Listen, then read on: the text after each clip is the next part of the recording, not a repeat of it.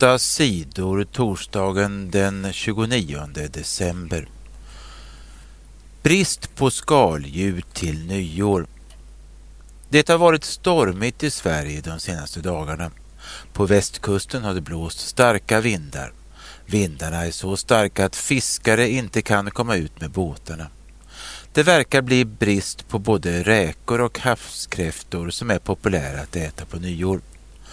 De räkor och kräftor som kommer att finnas i butikerna kommer att vara dyra, säger fiskhandlaren Nisse Molinder till TT. På många håll i Sverige blåstes många träd ner över elledningar och gjorde att tusentals hem blev utan ström. Det kan kosta elföretagen en miljard kronor för att laga alla skador efter stormen. Samtidigt varnar väderexperter för att nya stormar är på väg till Sverige. Det kan bli snö, regn och hårda vindar på många platser i Sverige idag torsdag och imorgon. Det här ovädret är nog lite svagare än det förra och det kommer inte att storma på lika många platser. Det kan bli värst i södra Sverige, säger SMHIs väderexpert Emil Björk till tidningen Dagens Nyheter. De tre misstänkta för mordplaner är friade. Det har varit rättegång mot tre män som misstänktes för att plan ha planerat att mörda konstnären Lars Vilks. Männen greps av polisen i september. Igår onsdag slutade rättegången.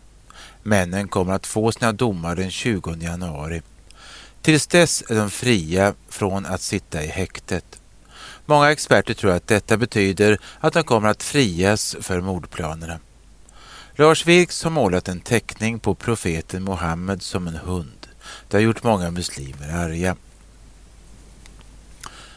Fattiga får det sämre. De i Sverige som tjänar minst pengar har fått det sämre de senaste fem åren. De har fått ännu mindre pengar. De allra flesta andra har fått mer pengar. Det beror bland annat på sänkta skatter. Allra mest pengar har gått till de som har högst löner. Deras ökningar är störst.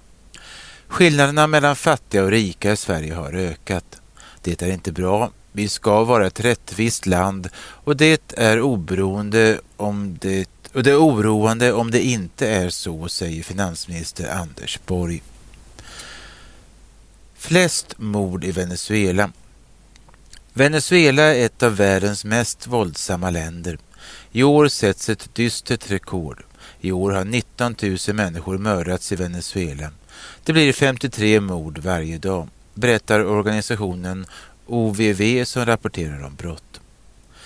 I länder som Colombia och Mexiko är det fler människor som mördas varje år.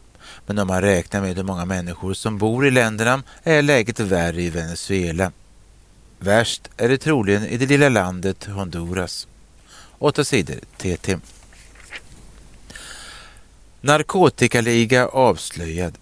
Polisen i Stockholm har avslöjat en stor narkotikaliga.